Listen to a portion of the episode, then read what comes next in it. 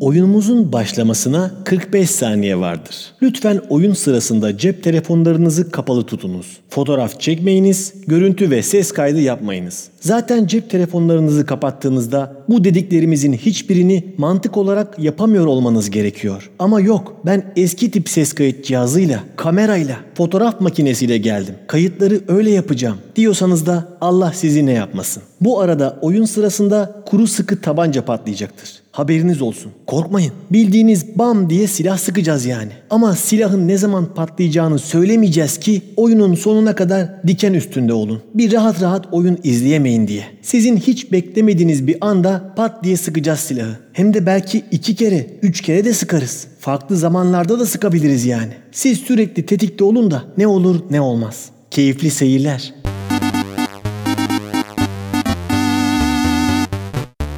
Sizi tenzih ederim.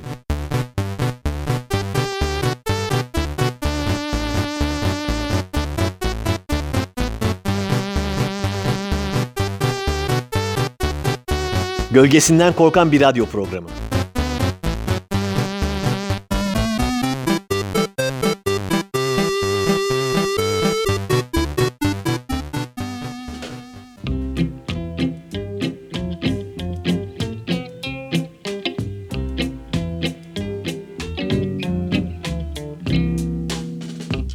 Merhaba sevgili Radyo Karavan dinleyenler. Nasılsınız inşallah? İyisiniz maşallah diyoruz ve 64. programımızı da açıyoruz. Bu programımıza tiyatroya gitmeyi özleyen dinleyenlerimizin bu özlemini bir nebze olsun gidermek için bir anonsla başladık. Özlemişsinizdir siz bu anonsları. Bu arada tiyatrolar, sinemalar açıldı mı ya? Yeni normalleşti mi onlarda? Ben açıkçası artık takip etmiyorum dostlar. Kaçırdım ipin ucunu. Ama açılmamışlarsa ayıp etmişlerdir. Çünkü gördüğüm kadarıyla eski normalden hiçbir farkımız kalmadı. Tek fark maskeler gibi görüyorum. Onu da doğru takan 15-20 kişi ya vardır ya yoktur. Benim gözlemlediğim yeni normal şu. Herkes hayatına eskisi gibi devam edecek. Sadece vücudunun herhangi bir yerinde el boyutunda lastikli bir bez parçası olacak. Ve bu bezin nerede durduğu da önemli değil. İster yüzünüzde, ister çenenizde, ister kafanızın üstünde, ister dirseğinizde, isterse de cebinizde dursun. Geçen hafta ülkemizdeki birçok aktivitede bu görüntüleri gördük. Şampiyonluk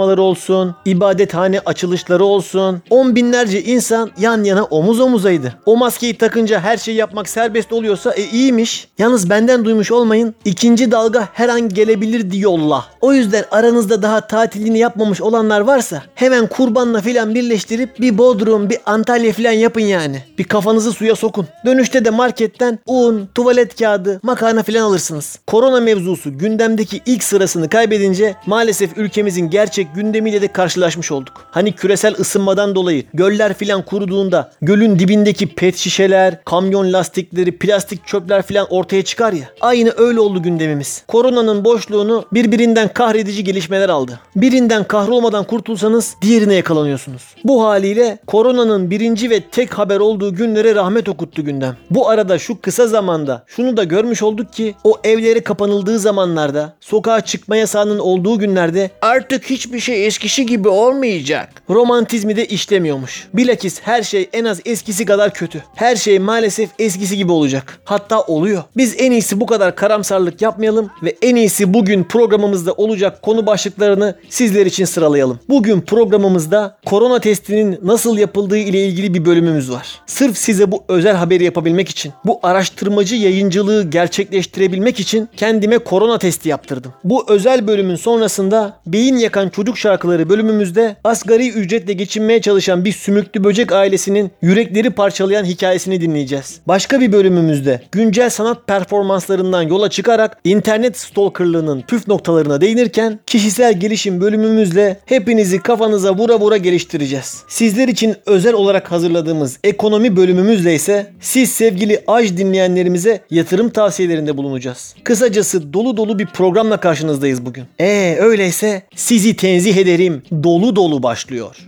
Yes, my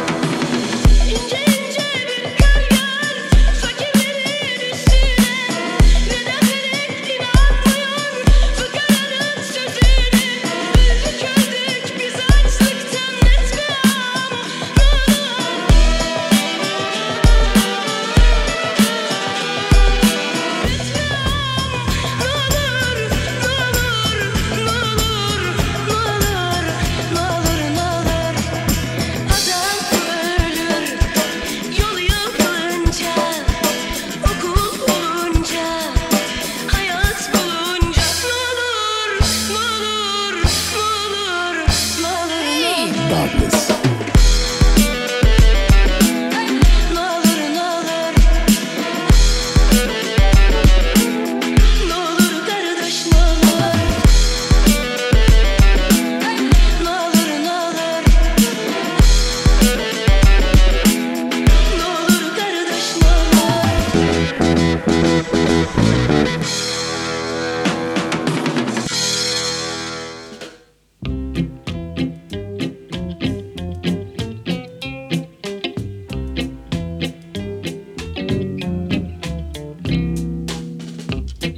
Ben korona başladığından beri evden çalışıyorum dostlar. Sağ olsunlar evden çalışabilen evden çalışsın. Hiç ofise mikrop taşıyıp riski arttırmasın dediler. Ben de eyvallah dedim. Canıma minnet dedim. Sırtladım bilgisayarı eve geldim. Kukumav kuşu gibi tünedim koltuğun tepesine 4 aydır inmiyorum oradan aşağı. Hiç de özlemedim iş yerini. Ama benim keyfimin yerinde olduğunu anlayan bazı gizli güçler düğmeye bastılar ve yok öyle evde takılmak dediler. Hayatınıza biraz heyecan katın. Hayat demek risk almak demek. Macera demek. Şu korona günlerini 2 metrobüs, bir otobüs, bir metroya binmeden geçirmeyin. İleride bunlar hep ana olacak dediler ve bizi ofise çağırdılar. Tabii bunca adamı ofise çağırırken gelin de bir muhabbet edelim. Gül cemalinizi görelim. Özledik bir çay içelim diye çağırmadılar. Gelin de size bir korona testi yapalım diye çağırdılar. Ofisteki herkese test yapılacağı söylendi ve herkese test için gün ve saat bildirdiler. Saatler de şöyle belirlenmişti. 8.42, 8.47, 9.26, 9.32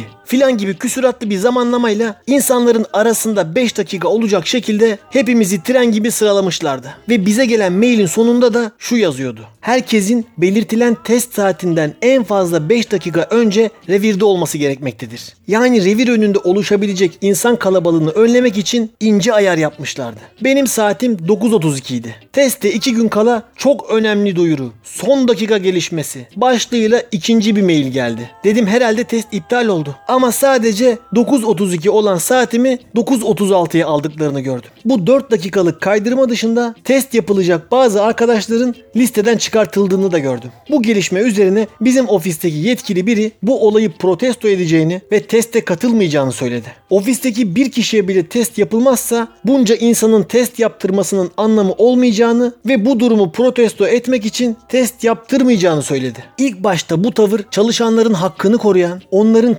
kazanımlarını gözeten devrimci bir hareket gibi göründü. Helal olsun adama dedik. Ama olayın böyle olmadığını ben yapılacak testin içeriğini öğrendiğimde anladım. Dostlar bu korona testi bayağı iğrenç bir şeymiş ya. Ben parmağımızdan azıcık bir kan alacaklar filan sanıyordum. Olmadı bir kabın içine tükürürüz filan sanıyordum. Nerede? Bildiğin Çin işkencesi gibi bir işlenmiş bu ya. Ben de diyorum bu siyasiler filan korona testi olmayı neden reddediyorlar? İstemiyorlar diye. Meğerse sebebi bu sevimsiz işlenmiş. Revirin önünde öğüren, ağlayan insanları görünce bizim ofisteki yetkili bireyin kahramanlığının sebebini de öğrenmiş oldum. Revirin önüne bir muayene perdesi çekmişler. İnsanları oturtup çok uzun ve ince bir çubuğu önce insanların gırtlaklarına sonra da aynı çubuğun arkasını bu kez de burnundan sokup beynine kadar ittiriyorlardı. Dedim ya yedik. Keşke ben de protesto etseydim dedim ya. Sonuçta bu masum insanların listeden çıkarılması haksızlık yani. Ama artık çok geçti. Bir de delikanlılığa bok sürdürmemek lazımdı. 9.36'da oradaydım. Saat 10 gibi beni çağırdılar.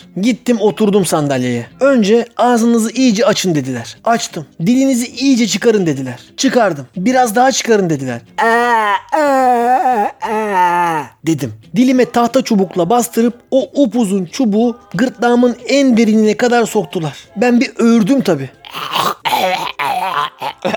Yaptım. Benden sonrakilere korku saldım. Sonra aynı çubuğu ters çevirip kafamı kaldırmamı istediler. Kaldırdım. Sol burun deliğimden bir soktular dostlar. Çubuk bildiğin sol gözünden çıkacak sandım. Üstünden iki hafta geçti. Hala iç kısımlarda tarif edemediğim bir yerler kaşınıyor. Ama tatlı tatlı kaşınıyor. Korona testi böyle oluyormuş yani. Ha, bu arada ben biraz abartıyorum. Hiç de acımıyor. Ve 30 saniyede de bitiyor. Yani yaptıracak olan varsa ya da yaptırmak zorunda olan varsa hiç korkmasın. Tereddüt etmesin. Hemen gitsin yaptırsın. Her şeyin başı sağlık. Ama tabii ben beni korkulu gözlerle ofiste bekleyen arkadaşlara böyle söylemedim. Ben ilk sıralarda olduğum için daha test sırası gelmemiş birçok arkadaş bana tedirginlikle bakıp ne yaptılar, nasıl geçti, acıdı mı diye sorduklarında onlara ortaokulda müdür muavininin odasından ya da aşı olmaktan dönen çocuk gibi cevap verdim. Uf oğlum var ya ayvayı yedini sensiz. O kadar acıyor ki oğlum anlatamam ya. Uf. Bittiniz oğlum bittiniz siz var ya bittiniz. Hani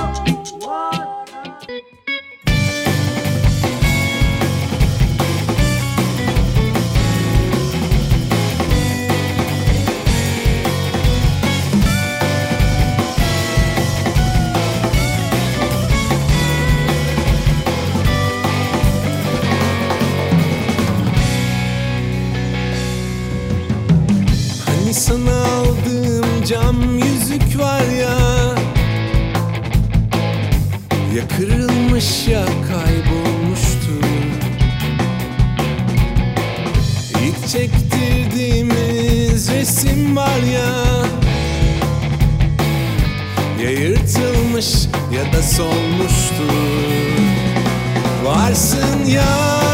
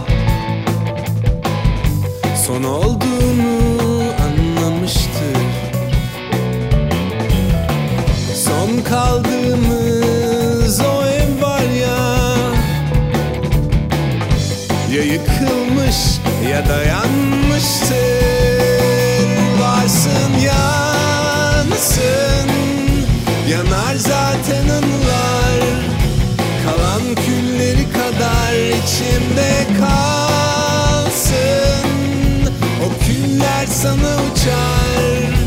Uçar yine geri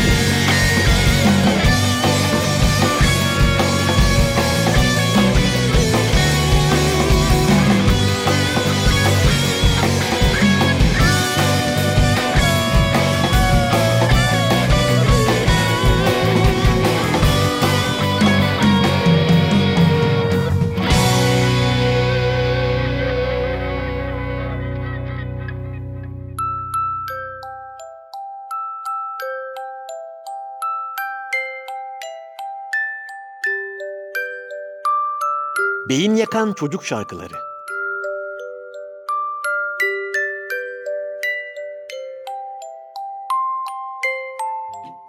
Programımızın beyin yakan çocuk şarkıları bölümüne hoş geldiniz canlar. Bugün inceleyeceğimiz çocuk şarkısı Sümüklü Böcek Duvarda Gezecek isimli şarkı. Bu haliyle sanki masaya vurup o sümüklü böcek buraya gelecek diye racon kesilen bir durum söz konusuymuş gibi duruyor. Ama biz önce şarkıyı bir dinleyelim. Derinlemesinde incelemelerimizi sonra yaparız. Sümüklü böcek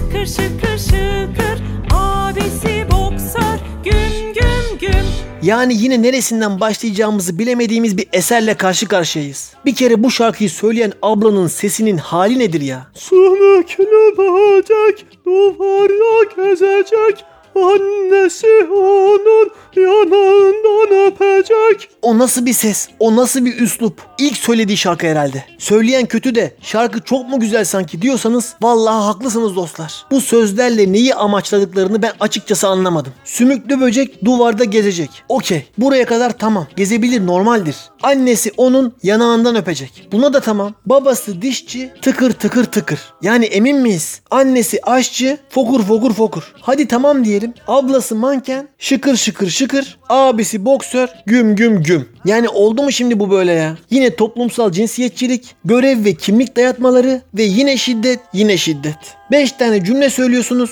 3 tanesi sorunlu. Hatta bazı yerlerde şarkı şöyle söyleniyor. Sümüklü böcek duvarda geziyor, annesi onun kulağını çekiyor. Yani lafı hiç dolandırmamışlar. Yok mu sizin danışacağınız bir kimse, bir pedagog, bir eğitimci filan? Onu geçtim, insan bir yanındakilere sorar. Ya biz böyle bir şarkı yaptık da oldu mu acaba diye. Vallahi biz böyle atıp tutuyoruz, olmamış filan diyoruz. Ama 2 milyon 200 bin kişiye göre olmuş. Şarkının dinlenme sayısı 2 milyon 200 binden fazla. Yetişkinler bu şarkıyı kendileri dinlemek için açmıyorlarsa ki inşallah öyle bir şey yapmıyorlardır. En az 2 milyon çocuğumuz bu şarkıyı körpe dimağlarına yerleştirmişler. Maalesef şarkının bir de videosu var. Yani sümüklü böcek gibi sevimli bir hayvanın ne hallere getirildiğini görmek için izleyebilirsiniz. Özellikle dişçi sümüklü böcek babanın elindeki neşterle mavi dişçi koltuğuna oturmuş bir uçuç böceğini nasıl deşmeye çalıştığı ve manken sümüklü böcek ablanın çıktığı defiledeki tipsizliğini görmek için izlemenizi özellikle tavsiye ederim. Ayrıca şarkının açıklama kısmında aynen şu cümleler yazıyor. Videolarımız kendi animasyon ve seslendirme ekibimiz, okul öncesi uzmanlarımız tarafından kontrol edilerek yapılmıştır. Çocuğunuz rahat durmuyorsa, uyumakta güçlük çekiyorsa videolarımızı açın, gerisini biz hallederiz. Oldu canım. Çocuk durmuyorsa hemen eline tableti verelim. Çakma soprano ablanın hezeyanları eşliğinde Allah'ına yan bakan salyangoz ailesinin gerçeküstü maceralarını izletelim. Bir de okul öncesi uzmanlar tarafından kontrol edilmişmiş. Çakmakla kontrol ettiler herhalde. Kontrol edilmiş hali buysa edilmemiş halini düşünemiyorum. Çocuğunuz uyumakta güçlük çekiyorsa videolarımızı açın gerisini biz hallederiz demişler. Hani gün içinde izlettiğimiz yetmiyormuş bir de çocuk uyurken de izletecekmişiz. Bildiğin topluma psikopat yetiştiriyoruz yani. Allah sizi ne yapmasın ya. Yalnız 4 yılda 2 milyon 200 bin kişi hiç fena değil ha. Bu işe mi girsek acaba dostlar? Arada düşünmüyor değilim. Ben çalışmalara başlıyorum. Sümüklü böcek duvarda gezecek annesi onun let's get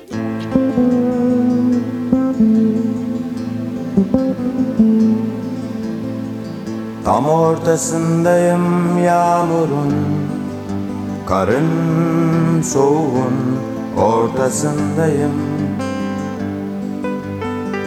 Tam ortasındayım yağmurun Karın soğuğun ortasındayım.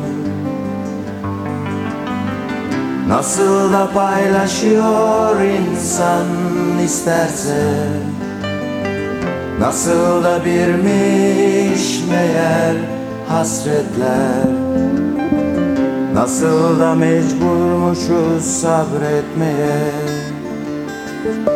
Sevmeye Öğrenmeye. Tam ortasındayım yolun Hmm, Koşunun ortasındayım Tam ortasındayım yolun Hmm, Koşunun ortasındayım. Tam varıyorum ki hedefe bir yenisi başlıyor. Bu oyun hep aynı değişmiyor. Hala devam hala figan hem de bile bile.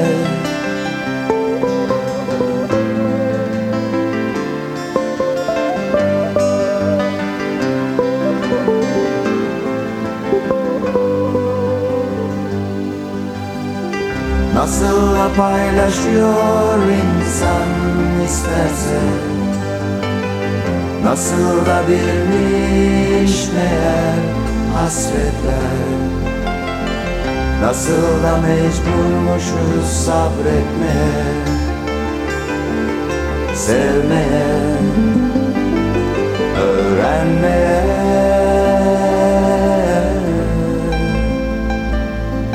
Öğrenmeye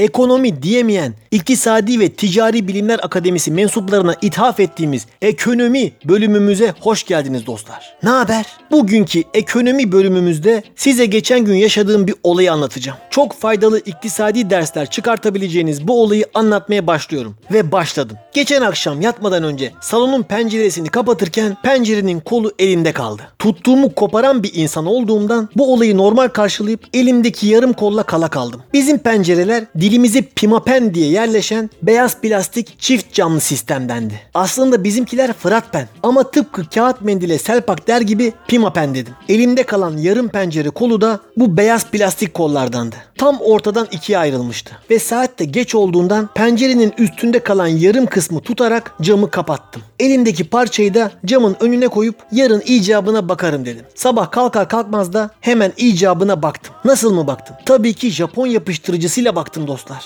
Beni bu programlarda az çok tanımışsınızdır. Japon yapıştırıcısı lafını ağzıma almadığım, Japon'u elime bulaştırmadığım bir günüm geçmez çok şükür. O günde Rabbim yüzüme gülmüş, bu büyük tutkumu icra edebileceğim bir mecra nasip eylemişti şu sevgili kuluna. Ne oluyor ya? Her neyse ben aldım Japon'u bir güzel yapıştırdım pencerenin kolunu. Kuruyunca birkaç kere açıp kapattım. Fena değildi. Hanımı da her ihtimale karşı uyardım. Bak hanım dedim. Ben bunu Japonla yapıştırdım ama sen yine kapatacağın zaman dibine yakın yerden tutup kapat dedim. Ne olur ne olmaz dedim. İki gün geçmedi bu sefer pencerenin kolu hanımın elinde kaldı. Üstelik bu kez kadıncağızın parmağını da kesmişti. Yani bu iş artık sağlık, güvenlik ve beka sorunu haline gelmişti. Zaman kaybetmeden ve çok para da harcamadan bu işi çözmeliydim. Hemen aklıma çok sık kullanmadığımız başka bir pencerenin koluyla bu kolu değiştirmek geldi. Ama mevsim yaz olduğu için neredeyse bütün pencere kollarını aynı sıklıkta kullanıyorduk. Ben de istemeye istemeye üst sokağımızdaki pencereciye gitmeye karar verdim. Saat akşam 7 civarıydı ve günlerden de cumaydı. Eğer dükkan kapanmadan yetişemezsem önümüzde hafta sonu olduğundan bu sorunu çözmemiz 2 gün daha uzayacaktı. Böyle bir rötarı kabul edemezdim. Çünkü rahatsızdım. Rahatsızdım dediğim hastaydım işte. Anlayın da apar topar yeni koyduğum çayı bile içmeden atletimle şortumla hemen giydiğim Beşiktaşlı terliklerimle koşarak apartman merdivenlerini indim. Son kata geldiğimde o panikle maskemi almayı unuttuğumu fark ettim. Tekrar 3 kat yukarı çıkıp maskemi dirseğime taktım ve tekrar aşağı indim. Hızlı adımlarla Pimapen dükkanının kapısına geldim. Kapı kapalıydı ve kapıda cep telefonu numarası vardı. Hemen aradım. Kapattınız mı dedim. Kapattık dedi. Yarın açık mısınız peki dedim. Açığız dedi. Pencere kolu var mı dedim. Var dedi. Kaç para dedim. 25 TL dedi. Teşekkür edip kapattım. İyi bari yarın gelip alırım dedim. Ama yarına kadar 15-20 saat bu sorunu çözmeden nasıl rahat duracağımı da bilemedim. Çünkü az önce dediğim gibi dostlar. Rahatsızım. Hastayım anlayın artık. I want it all. I want it all. I want it all.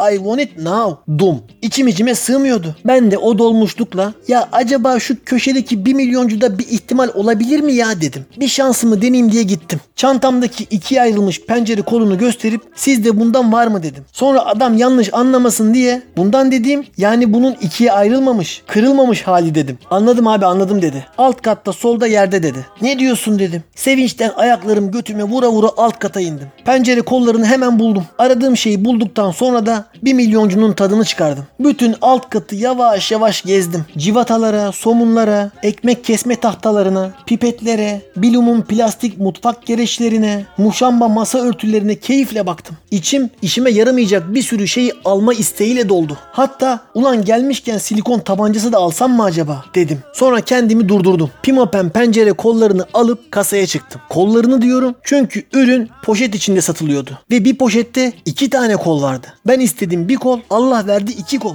Adama ne kadar dedim? 10 lira dedi. Ne? 10 lira mı? 2 dakika içinde bir gün sonra tanesini 25 liraya almaya razıyken şimdi iki tanesini 10 liraya alıyordu. Hem de hiç beklemeden. Right here, right now. Dedim bu çok şahane bir şey oldu ya. Peki bunlar standart mı dedim? Her pencereye olur mu dedim. Çünkü her şeyin bu kadar yolunda gitmesinden açıkçası biraz kıllandım. Ama adam standart dedi. Geldim eve taktım. Fıstık gibi de oldu. Aslanlar gibi de oldu dostlar. Çok da güzel oldu canlar. Ya sen bir saattir ne anlatıyorsun ya? Dediğinizi duyar gibiyim. Öyle demeyin dostlar. Dediğim gibi bu programımızın ekonomi bölümü. Bu hikayeden çok güzel dersler çıkartabilirsiniz. Mesela bir şeyi satın almadan önce her zaman araştırmasını yapmak. Markaya, isme çok takılmamak. Umudu kesmemek. Her zaman küçük bir umut da olsa sonuna kadar gitmek gibi. Bir şey olmuyorsa daha iyisi olacağı işindir gibi. İşte siz kafanıza göre bir dersler çıkarın. Onu da ben söylemeyeyim artık. Ekonomiyi geçtim. Hayat dersleri bile çıkar bu hikayeden. Bir de fıstık gibi hikayeyi beğenmiyorlar ya. Ayıp be. Bu arada az önce internetten baktım. Aynı pencere kolunu internette 2 lira 69 kuruşa da buldum.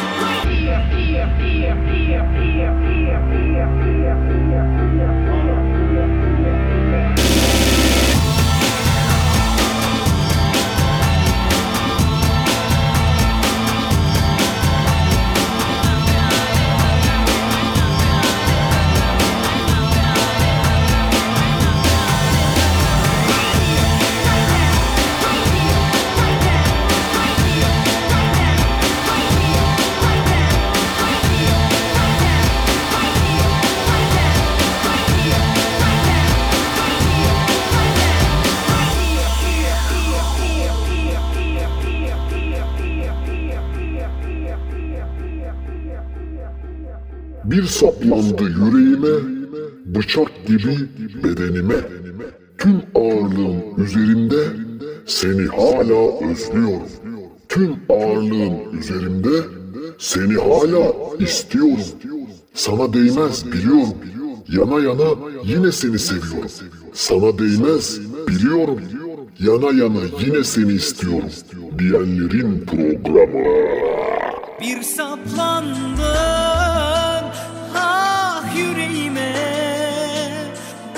gibi bedenime Tüm ağırlığı üzerinde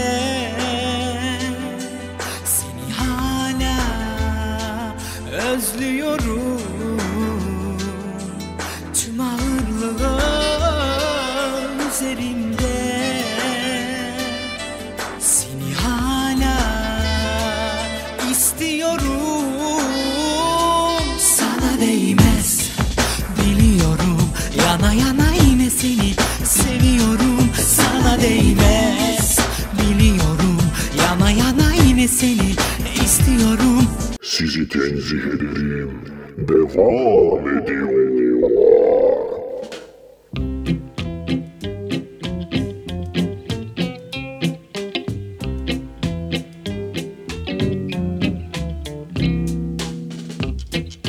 Facebook'un çıkış motivasyonunu hatırlıyor musunuz dostlar? İlk çıktığında ilkokul arkadaşlarımızı bulabileceğimiz bir uygulama olarak adına duyurmuştu. Sonrasında eski arkadaşları bulmaktan yeni arkadaşlar edinmeye evrildi. Ama ilk çıktığında herkes deli gibi eski okul arkadaşlarını buluyordu Facebook'tan. Peki bunu nasıl yapıyorlardı? Tabii ki programda aradıkları kişinin adını ve soyadını yazarak. Millet 40 sene önceki arkadaşının adını soyadını çatır çatır yazıyordu arama kutucuğuna. Çünkü ilkokul ve ortaokul arkadaşlarının adı ve soyadı kolay kolay unutulmaz. Ve onlar paket program şeklindedir. Adını hatırladığınızda hemen soyadı da peşi sıra gelir. Hatta biraz fonetik bir yapısı varsa okul numarasıyla bile hatırlayabilirsiniz. Mesela 272 Hasan Kartal, 852 Tunacan Ermiş, 318 Mustafa Itri Seylan gibi. Bunun sebebi de bence kalıcı öğrenmelere en açık olunan yaş diliminde sınıfta sürekli yoklama alınmasıydı. Ve yoklama defteri denen şeyin okul hayatımızın en önemli parçası olmasıydı. Düşünsenize 6 yaşınızdan itibaren o yoklamanın baştan aşağı günde 6-7 kere okunduğunu ve bunun 13 sene boyunca devam ettiğini.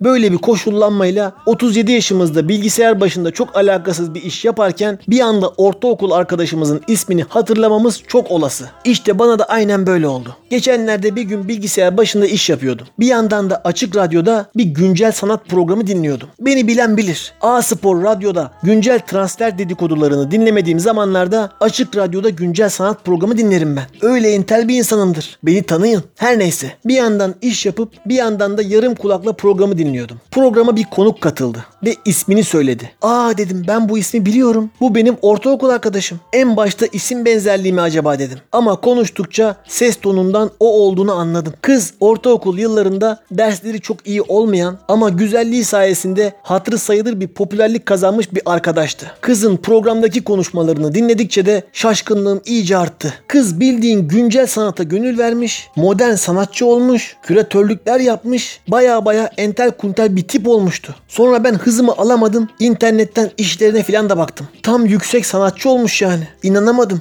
Hani biraz dinlediğinizde ne diyor lan bu? Dediğiniz, sergilerini gezdiğinizde bu ne şimdi ya? Dediğiniz bir tip olmuş. O kadar entelleşmiş ki konuşmasının bir yerinde kendi dediğini kendisinin bile anlamayacağı bir noktada yakaladım ben kendisini. Bir şey söyledi sonra ne söylediğini tam anlamadı. Kendi kendine başka bir soru sorup bu sefer kendisine sorduğu o soruyu kendisine açıklamaya falan kalktı. Güncel sanat okuması yapabilmek için bayağı sağlam bir sanat ve entelektüel birikime sahip olmak lazım zaten. Bu arkadaşın durumu da öyleydi. Olay beni aşmıştı. Ama ortaokulda deselerdi ki bu kız bağımsız küratör ve yazar olacak. Araştırmalarında feminizm, queer metodoloji ve anarşist bilgi kuramı ile güncel sanat endüstrisinin politik ekonomisi, katılımcı sanat ve performans arasındaki etkileşimlere odaklanacak. Yeni aktivizm modelleri ortaya koyan sanat pratikleriyle ilişkili atölye ve performans kürasyonu çalışmaları yapacak. Hadi oradan derdim. Onu radyoda dinlerken bu kızın ortaokulda aşık olduğu çocuk aklıma geldi. Birçok erkek bu kızdan hoşlanıyorken o başka bir çocuktan hoşlanıyordu. Ve kaderin bir cilvesi o çocukta bu kıza yüz vermiyordu. Hazır araştırmaya başlamışken bu çocuğu da bulayım dedim. Eğer bu böyle entel olduysa öbürünün allame-i cihan olması lazım diye düşündüm. Çocuğun adını Facebook'a bir yazdım. Vahey vahey dostlar. Zaten tipini görür görmez tanıdım. Saç şekli geçen 25 senede hiç değişmemişti. Ama güncel sanatla pek alakası yok gibi görünüyordu. Bunun profil fotoğrafında Fenerbahçe logosu ve siyah üstüne beyazla şu yazı vardı. Eğdiysek başımızı tevazumuzdan eğdik. Sevdiysek yüreğimiz olduğu içindi. Övdüysek dedik ki ruhlara şevk katalım. Aşk mı? O derin mevzu. Onu rakı içerken konuşalım. Kader bu iki insanı aynı ortaokul sıralarından bambaşka yerlere atmıştı. Birisini queer metodoloji ve anarşist bilgi kuramı yollarına savururken diğerini Şükrü Saraçoğlu stadının kale arkası tribünlerine yollamıştı. Vay be dedim. Şu işe bak. Nereden nereye? Dedim acaba bu çocuğun profil linkini bu kızın mailine göndersem. Bak sen ortaokulda bu çocuğa aşıktın desem mi? Sonra dedim bu kız bundan da bir okuma yapıp onu da sanat pratikleriyle ilişkilendirir. Durup dururken çocuğun huzurunu bozmayayım dedim. Sonra iyice gaza gelip adını ve soyadını hatırladığım ortaokul arkadaşlarımın isimlerini internette araştırmaya başladım. Stalkerlığın dalağını yardım. Ve ne gördüm biliyor musunuz dostlar? Hepsi de süper yerlere gelmiş yala. Biri bilmem ne genel merkezinde bölge sorumlusu olmuş. Biri genel müdür olmuş. Biri üniversitede hoca olmuş. Diğeri turist rehberi olmuş. Bütün dünyayı gezmiş. Fillerle filan fotoğrafları var. Kitaplar yazmış. Öbürsü kendi işini kurmuş. Yazılımcı olmuş. Yani herkes benden daha iyi durumlara gelmiş gibi görünüyordu. Halbuki ortaokulda hepsinin dersleri benden kötüydü. O zamanki hocalara sorsanız hiçbirinden bir şey olmaz bunların derlerdi. Ama maşallah arkadaşlarıma hepsi coşmuştu. Çok iyi yerlere gelmişlerdi. Helal olsun. Demek ki bizim okulda o dönem iyi mahsul yapmış. Şunu da unutmayalım ki hayatta ne oldum değil ne olacağım demeli. O zaman hep beraber soralım. Biz ne olacağız ya? watching you. A la la la la long. A la la la la long, long, long, long, long. Come on. A la la la la long. A la la la la long, long,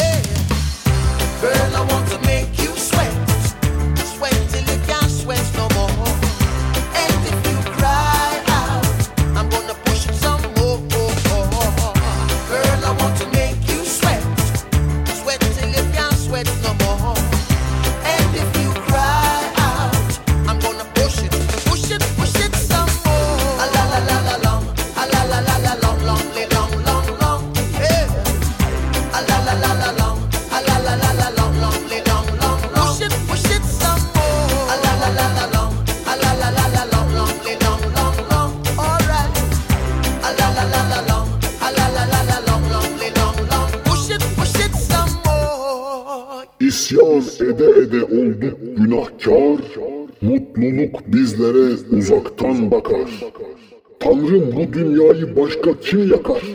Yakarsa dünyayı garipler yakar. Diyenlerin programı.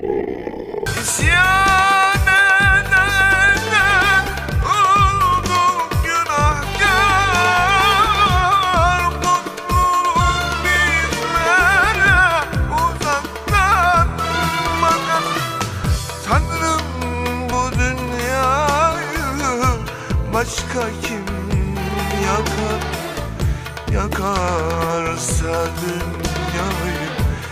garipler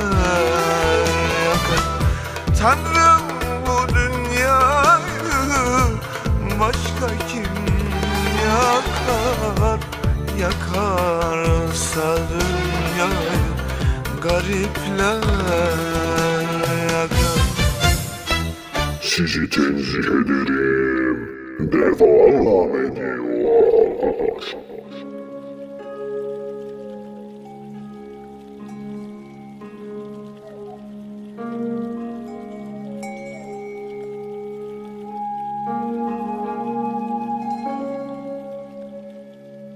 STE Ayurvedik Şifalanma Servisi'nin hazırladığı kişisel gelişim bölümümüz Kişisel Gelişiyorum Yala isimli bölümümüze hoş geldiniz gelişim sevdalıları. Ne haber? Bu güzide bölümümüze başlamadan ve sizleri geliştirmeden önce geçen programlarımız sayesinde gelişen dostlarımızdan birazcık bahsetmek istiyorum. Sağ olsun dinleyenlerimiz bizi yalnız bırakmıyor. Programımıza olan minnettarlıklarını her fırsatta dile getiriyorlar. Programımız sayesinde gelişen soluğu masa başında alıyor. Hemen kağıda kaleme sarılıp bize teşekkür mektupları yazıyorlar. Bu vesileyle hepsine çok teşekkür ediyoruz. Ama artık mektup yazmayın isterseniz dostlar. Uğraşmayın yani o kadar. Bir mail atsanız filan da olur. Bir yorum filan yeter yani. Bu pandemi günlerinde postaneleri gitmeyin artık. Anladık çok güzel gelişmişsiniz. Ama biraz da teknolojik olarak gelişin. Çağa ayak uydurun gelişim dostları. Mektup yazmak nedir ya? Mektup mu kaldı koyayım diyoruz ve daha fazla zaman kaybetmeden hemen bugünkü konumuza geçiyoruz. Bu hayatı ne için yaşıyoruz dostlar? Bunu hiç düşündünüz mü? Hayat motivasyonunuz ne? Sabah sizi yataktan enerjik ve tutkulu bir şekilde kaldıran o inanç, o amaç ne?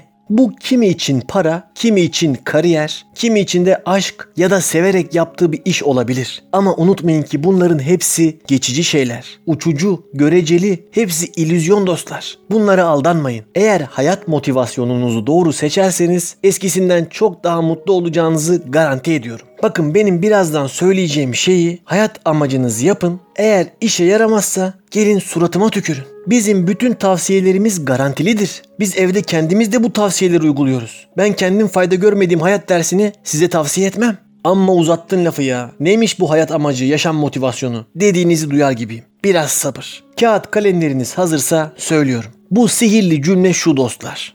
Aman benden çıksın da işte hayatta karşınıza çıkan her işe, her sorumluluğa, her zorluğa böyle yaklaşırsanız eskisinden çok daha mutlu olacağınızı garanti ediyoruz. Yapmanız gereken her iş karşısında kendinize şunu söyleyeceksiniz. Aman benden çıksın da, benimle bir alakası kalmasın da, benlik bir durum olmasın da.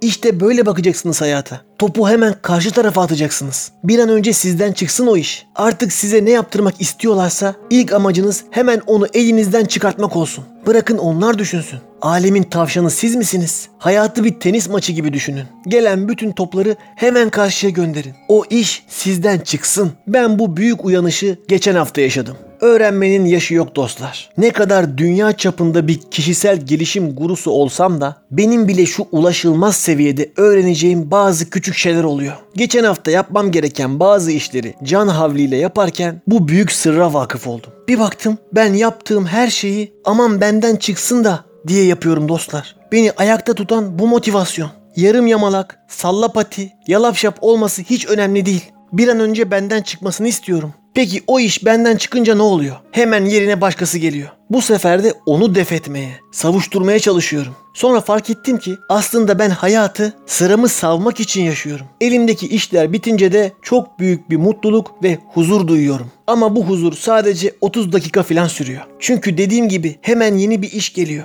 İşte bu noktada bizim amacımız pes etmemek. Hani bir oyun vardır. 7-8 çift bir müzik eşliğinde dans eder. Çiftlerin birinde bir şapka vardır. Çiftler bu kafasındaki şapkayı alıp diğer çiftin başına geçirmeye çalışırlar. Sonra müziği bir anda keserler. Müzik kesildiğinde o şapka hangi çiftin kafasındaysa o oyunu kaybeder. Bunun bir de sandalyeye oturmalı versiyonu vardır. Müzik kapandığında sandalyeye kim önce oturursa o yarışmaya devam eder. Ayakta kalan kaybeder. İşte hayat da böyle. Siz hep sandalyeye yakın dans eden çakallar gibi olacaksınız. O şapkayı da daha kafanıza değer değmez elinize alıp hemen karşı tarafa takacaksınız. Hayatta hız çok önemli. Diyelim ki size bir iş kitlemeye çalışıyorlar. Mesai bitimine bir dakika kala hemen karşı tarafa cevabını bildiğiniz ama size zaman kazandıracak bir soru soracaksınız. Soruyu sorup daha cevap gelmeden de hemen bilgisayarı kapatacaksınız. Bırakın sorumluluk karşı tarafta kalsın. O cevap vermeden de işe başlamayacaksınız. 2-3 gün sonra ne oldu bizim işler filan derlerse de e ben size cuma günü mail attım cevap vermediniz. Onun cevabını bekliyorum deyip işten sıyrılacak topu karşı tarafa atacaksınız.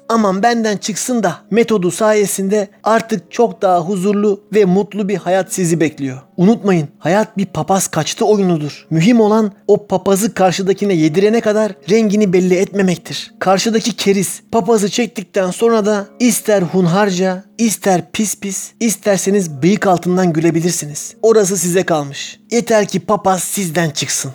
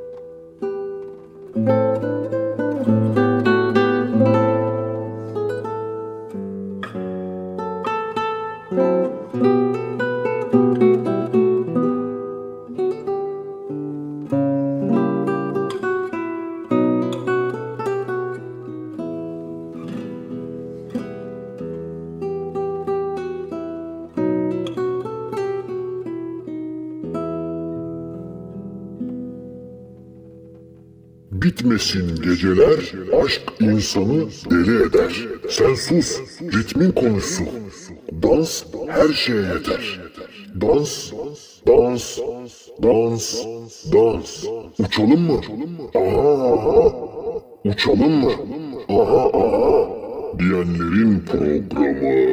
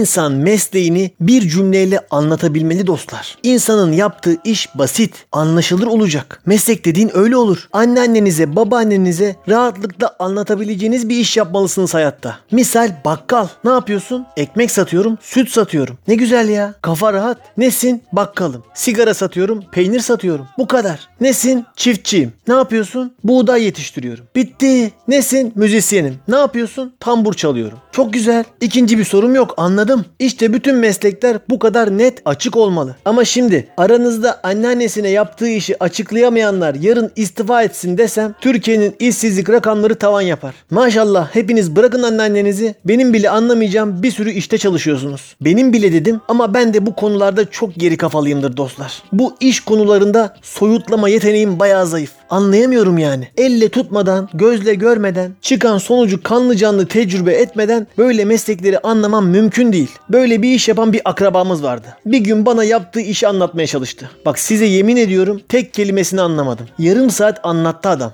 Yok olmuyor. Ve en son o vazgeçti. Ben ayıp olmasın diye dinlemeye devam ettim. Ama herif en son hayata küstü. Ertesi gün karısı iş ilanlarına bakarken yakalamış. Ben insanı hayatından bezdiririm. Yaptığı işi sorgulatırım dostlar. Bir arkadaş da gel sana borsanın ne olduğunu anlatayım dedi. Anlatma dedim. Anlatayım dedi. Anlatma dedim. Benim özel yöntemim var. 40 dakikada anlatırım dedi. Dostlar çocuk alkolik oldu. Aradan 10 sene geçti. Hala bırakamadı alkolü. Tedavisi devam ediyor. Yok mümkün değil. Anlayamıyorum. Anlamamakla da yetinmiyorum. Bir de o insanlar için üzülüyorum. Anlayamadığım meslekleri yapan insanlara işsiz gözüyle bakıyorum. Yazık ya bu çocuk da bir baltaya sap olamadı diyorum. Adam bilmem ne firmasının genel merkezinin dijital business strateji inovasyon bilmem nesi olmuş. Ayda 80 bin 100 bin lira kazanıyor. Ben çocuğun anasına babasına üzülüyorum. Zaten ben bu TEDx kafasına hastayım. Özellikle şu dijital pazarlama denen şeyin çok büyük bir kolpa olduğunu düşünüyorum. Pazarlama deyince benim aklıma kapı kapı gezip tencere satmaya çalışan bıyıklı pembe gömlekli adamlar geliyor. O kafadan çıkamıyorum. Pazarlama kavramının kafamda oluşan o imajını yıkamıyorum. Ha dijitali olmuş ha analoğu. Pazarlama pazarlamadır.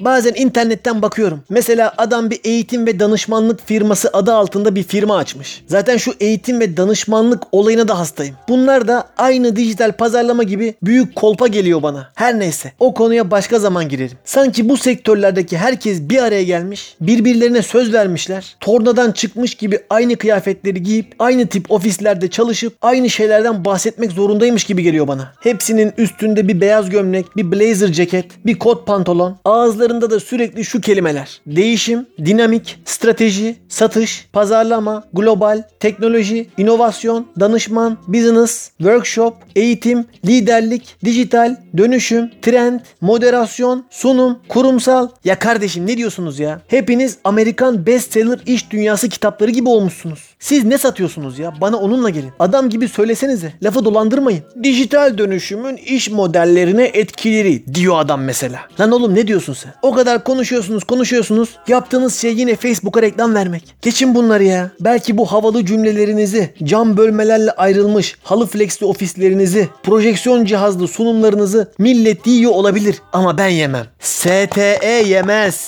Çocuk mu kandırıyorsunuz be? Gidin adam gibi bir iş bulun kendinize. Diyoruz ve çok çok acayip bir yere geliyoruz dostlar. İşte o geldiğimiz yerde programımızın sonu. Bir dahaki programda görüşmek üzere. Hoşçakalın. Simmer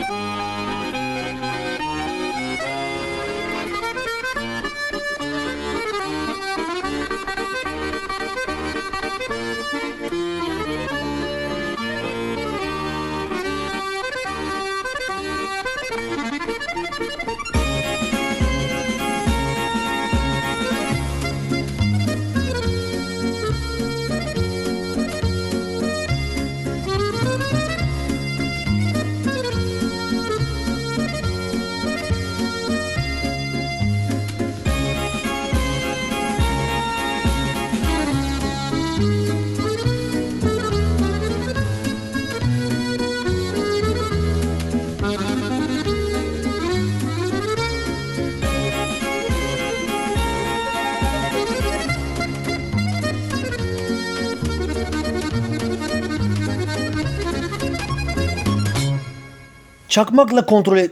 Çakmakla kontrol ettiler herhalde. Çakmakla kontrol ettiler. Kontrol ettiler herhalde. Çakmakla kontrol ettiler. Çakmakla kontrol ettiler herhalde. Çakmakla kontrol ettiler herhalde. Kontrol ettiler herhalde. Çakmakla kontrol ettiler herhalde. Çakmakla kontrol ettiler herhalde. Kontrol ettiler herhalde. Güncel transfer dedikodularını, güncel transfer dedikodu güncel transfer dedikodu dedikodularını. Bu sözlerle neyi amaçladı bu sözlerle neyi amaçladık, amaçladıklarını, bu sözlerle neyi amaçladıklarını, amaçladıklarını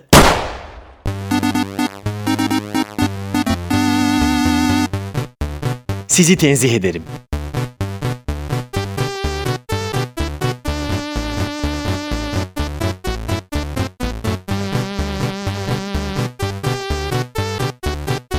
Gölgesinden korkan bir radyo programı.